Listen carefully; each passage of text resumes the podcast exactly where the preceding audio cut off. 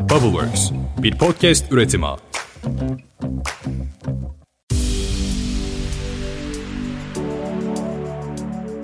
Merhaba, Cam Tavanın Ötesinde kanalının yeni bölümüne hoş geldin.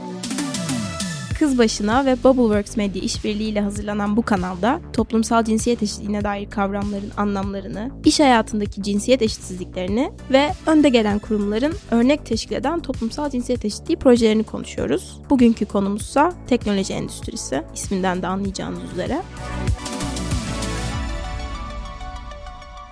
Mevcut değişim hızıyla teknoloji sektöründeki cinsiyet uçurumunun kapanması 133 yıl 42 gün sürecekmiş. Tekrar ediyorum 133 yıl 42 gün. Yani ben zaten göremiyorum bunu. Benim çocuğum da anca yaşlılığında görüyor. Hatta göremiyor da olabilir. Şu an matematiğim yetmedi ama bence göremiyor. Daha fazla cinsiyet eşitliği için yapılan baskılara rağmen maalesef sistem rollerindeki kadınların sayısı erkek meslektaşlarının gerisinde kalmaya devam ediyor. Ve liderlik seviyesine bakıldığında da bu sayı çok daha az. Kadınlar teknoloji sektöründeki liderlik pozisyonlarının %28'inden daha azına sahip. Ben de her bölüm böyle istatistikler vermekten çok sıkıldım arkadaşlar. Çok haklısınız. Ama durum bu. Yapabileceğim bir şey yok ve hatta bu bölüm sizi iyice istatistiklere daldıracağım. Çünkü bence böyle daha inandırıcı ve daha etkileyici. Öbür türlü çok havada kalıyor. Bunlar biraz daha insanın yüzüne böyle bomba etkisi yaratıyor diye düşünüyorum. Şimdi iş yerindeki eşitsizlik aslında sınıftaki eşitsizlikle başlıyor. Araştırmalar matematik ve fen bilimleri gibi sistem dediğimiz konuların cinsiyete göre kalıplaştırılmasının hem lise hem de orta öğretimde bu konuları seçen kızların sayısının az olmasıyla doğrudan bağlantılı olduğunu gösteriyor. Matematik, fizik ve kimyanın daha tırnak içinde söylüyorum erkek konuları olarak algılanması ilgi duyacak bazı kız öğrenciler için caydırıcı rol oynuyor doğal olarak. Bu aynı zamanda kızların bu alanlarda ilerleme ihtimalinde daha düşük olduğu anlamına geliyor. Bir tane PwC tarafından hazırlanan ve orta öğretim üniversite öğrencilerinin deneyimlerini inceleyen Teknolojide Kadın diye bir rapor buldum. Bu rapor teknolojideki cinsiyet uçurumunun okulda başlayıp ileri eğitim ve sonrasında da devam ettiği görüşünü doğrulamış. Birkaç tane size o raporun önemli bulgularından bahsedeceğim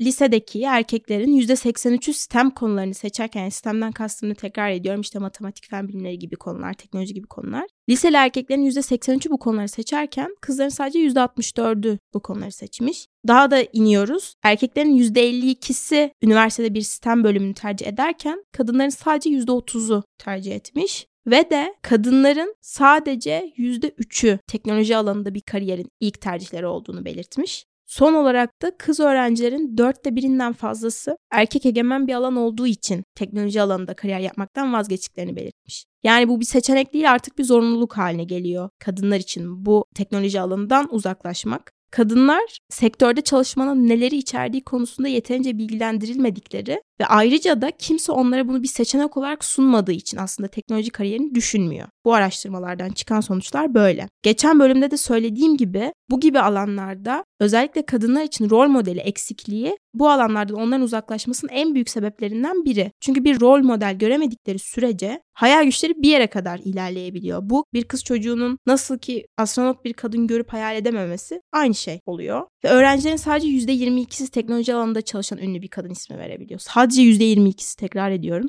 Üçte ikisi ise teknoloji alanında çalışan ünlü bir erkek ismi verebiliyor tabii ki. Hepimizin aklına gelen zaten ilk üçü sayalım desek üçü de erkektir eminim. Ve benim de baştan beri söylediğim şey yine bu araştırmadan bir sonuç. Kız öğrencilerin dörtte birinden fazlası erkek egemen olduğu için teknoloji alanında kariyer yapmaktan vazgeçtiklerini söylüyor. Yani bir kız çocuğu bir kariyer hedefinde bulunuyor. Bunu hayal ediyor. Gelin görün ki sırf erkek egemen bir kariyer yolu olduğu için vazgeçiyor. Yani belki de belki de değil kesin böyle ne şeyler yetenekler kaybetmişizdir yani. Mesela bilgi işlem işlerinin sadece %24'ü kadınlar tarafından yapılıyormuş. Yani bilgisayar bilimlerindeki kadın oranı yıllardır düşüyor ve bu düşüş tüm teknoloji alanlarındaki kadın sayısındaki düşüşe de yansıyor doğal olarak. Mesela birazcık kanal en başında da söylemiştim kötü örneklerden bahsedeceğim diye. Çok bilinen bir şirketi ele alalım. Facebook. Facebook'un teknolojiyle ilgili küresel işlerinin %77'sinde erkekler çalışıyor. %77'si. 2014 yılında aslında Silikon Vadisi'nde bu cinsiyet eşitliği için yeni bir mücadele başladı. Ve birçok şirket de bunu takip etti. Facebook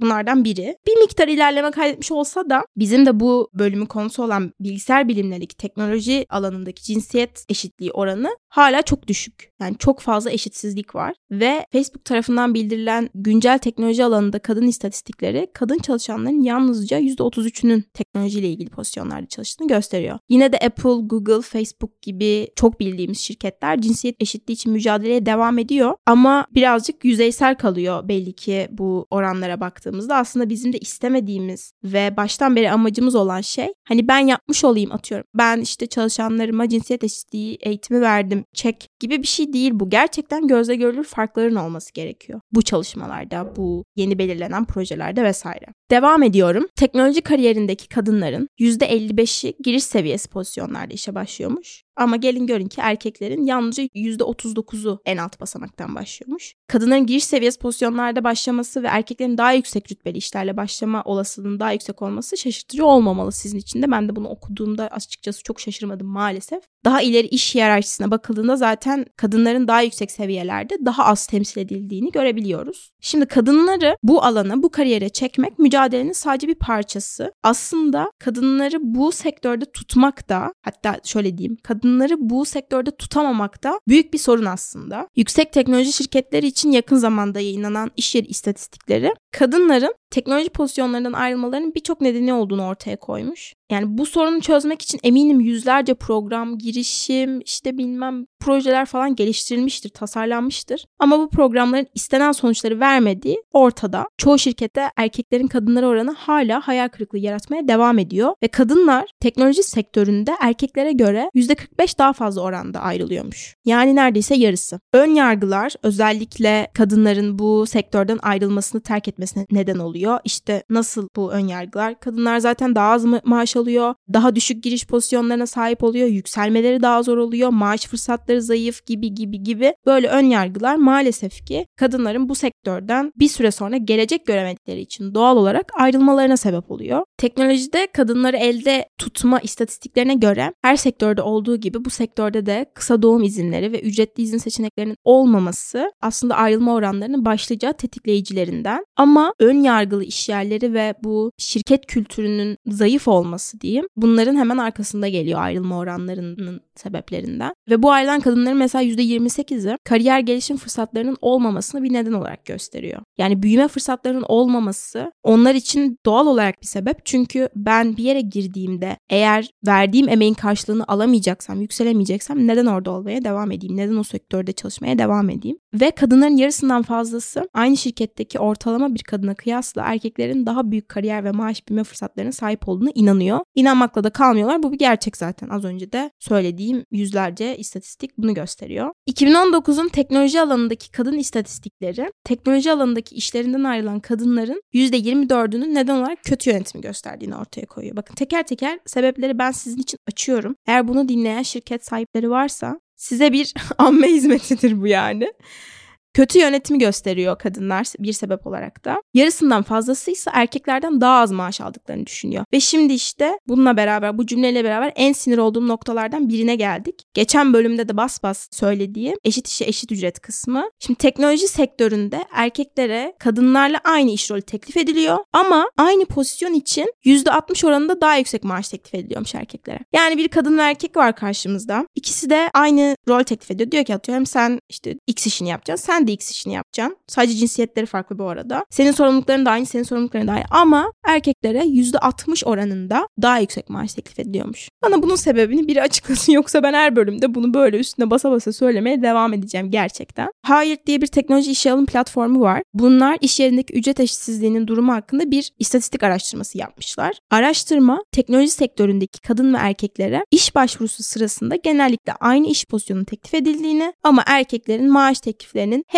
daha yüksek olma eğiliminde olduğunu ortaya koymuş. Çarpıcı. Ve bu konuyu araştırırken ilginç bir bilgiye daha denk geldim ve bence üstünde konuşulması gereken bir şey. Erkek çalışanlar niteliklerin %60'ını karşıladıklarında iş terfisi için başvurma eğilimindeyken kadın çalışanlar %100'ünü karşılamadıkça başvurmuyorlarmış. Bu davranış bir firma tarafından Negotiating Woman diye bir firma tarafından incelenmiş. Kadınların teknoloji alanında erkeklerden daha iş çıkardığı istatistikleri kadınların nasıl iş aradığını anlamalarında aslında kilit rol oynamış ve bunu Tiara sendromu adını verdikleri bir davranış kümesi olarak belirlemişler. Bu davranışlar teknoloji alanında çalışan yetenekli ve iyi eğitimli kadınlar arasında yaygınmış. Araştırmacılar bu kadınların başarıları hakkında bağırma olasılığının düşük olduğunu bulmuşlar. Bunun yerine başkalarının onları takdir etmesini ya da taşlandırmasını bekliyorlarmış. Bu da bu arada genel olarak yine bütün sektörlerde cinsiyet ayrımı yaptığımızda çok karşılaşılan bir şey. Erkeklerin bu arada hani başarılarını söylemesi ya da bunları işte burada da dendiği gibi bağırması kötü bir şey değil. Herkesin yaptığıyla gurur duyması ve bunu göstermesi güzel bir şey ki yaşadığımız toplumda bunları insanların gözüne sokmadığımız sürece zaten belli bir yerlere gelemiyoruz maalesef. Burada kötü olan şey kadınların kendilerini geri çekmesi. Çünkü ne zaman ki böyle bir şey yaptıklarında ya işte kötü özelliklerle adlandırılıyorlar ya da yine işte şov yapıyor vesaire gibi böyle nasıl diyeyim kötüleniyorlar aslında taşlanıyorlar diyebilirim. Bu yüzden de bu süreçte kadınlar bunu gördükçe az önce de söylediğim gibi kendilerini geri çeke çeke bu sefer kendi başarılarını öne çıkarmamaya başlıyorlar. Ve son olarak kadınların liderliğindeki teknoloji şirketleri CEO'ları erkek olanlara kıyasla ortalama 3 kat daha iyi performans göstermiş. Bu güzel istatistikle bitirmek istedim bölümü. Teknolojide kadın istatistiklerinde göze çarpan cinsiyet uçurumu işletmenin olabilecekleri kadar iyi durumda olmadıkları anlamına geliyor. Şimdi teknolojide kadın terimi tırnak içinde söylüyorum. İyi niyetli olsa da benim de baştan beri aslında bu bölümde söylediğim kadınlar için aşağılayıcı ve güçsüzleştirici bir hale geldi maalesef. Yani kadınlarla ilgili istatistikleri kabul edip yolumuza devam etmenin zamanı gelmiş olabilir. Ama iş yerinde toplumsal cinsiyet eşitliğiyle ne kastettiğimizi netleştirerek ben bu bölümü tekrar sonlandıracağım. Her bölümde de bunu tekrar edeceğim. Şimdi toplumsal cinsiyet eşitliği bir teknoloji şirketinin her departmanında eşit sayıda kadın ve erkeğin bulunduğu bir durum değil. Ben burada bunu savunuyorum savunmuyorum ya da biz kız başına olarak bunu savunmuyoruz. Yani bir 10 kişilik bir departmanda 5'i erkek 5'i kadın olsun değil bizim istediğimiz. Aksine toplumsal cinsiyet eşitliği teknoloji sektöründeki kadınlara kariyer yollarını seçme fırsatı sunmalı ve işte cinsiyet, ırk, cinsel yönelimden bağımsız olarak adil bir şekilde ücretlendirilmeli ve şirket içinde aynı büyüme ve ilerleme olanaklarından yararlanmalı. Yani dediğim gibi 5'i kadın 5'i erkek olacak değil. Sen o fırsatı sun sonra bırak kim yükseliyorsa yükselsin cinsiyetinden ırkından, cinsel yöneliminden bağımsız olarak. Yani şöyle bir şey var. Teknoloji şirketleri kadınların teknolojideki yörüngesini önemli ölçüde değiştirme ve teknolojiyi herkes için cinsiyetten bağımsız olarak heyecan verici bir kariyer fırsatı haline getirme fırsatına sahip. Yani bu sizin elinizde. Eğer beni dinleyen teknoloji şirketi çalışanları ya da yöneticileri varsa bunu başarmak sektör için bir fayda sağlar. Bunu yapmalısınız gibi değil. Bu bir iş zorunluluğu olmalıdır. Biraz agresif bir bölüm oldu ama gerçekten bu istatistikleri okudukça yani benim burada mutlu mutlu bir şey sunmam çok da muhtemel olmuyor. Dediğim gibi bunların düzelmesi için de birazcık insanların gözüne sokulması gerekiyor bunların. Siz de dinledikten sonra arkadaşlarınıza anlatabilirsiniz, paylaşabilirsiniz. LinkedIn'de paylaşarak belki yönetici pozisyondaki insanlara ulaşmasını sağlayabilirsiniz. Benim bu bölümlük diyeceklerim bu kadar. Biraz sorunlardan bahsettik bu bölümde ama bir sonraki bölümde çözümlere de odaklanacağım. Yani teknoloji sektörü cinsiyetçi mi? Evet cinsiyetçi. Başlığın cevabını vermiş olayım. Ama çözemeyecek çözülebilecek bir sorun mu? Asla değil. Bizim elimizde. Yöneticilerin elinde, çalışanların elinde, toplumun elinde. O yüzden birazcık diğer bölümde de çözümlere odaklanalım istiyorum. Çünkü böyle konuşup konuşup bu böyle bu böyle deyip sonra e olsun istemiyorum. Bölüm bittikten sonra da bu istatistikleri sindirmenizi ve durup bir düşünmenizi diliyorum. Ne durumdayız, ne yapmalıyız gibi. Kendinize çok iyi bakın. Bir sonraki bölümde görüşmek üzere. Hoşçakalın.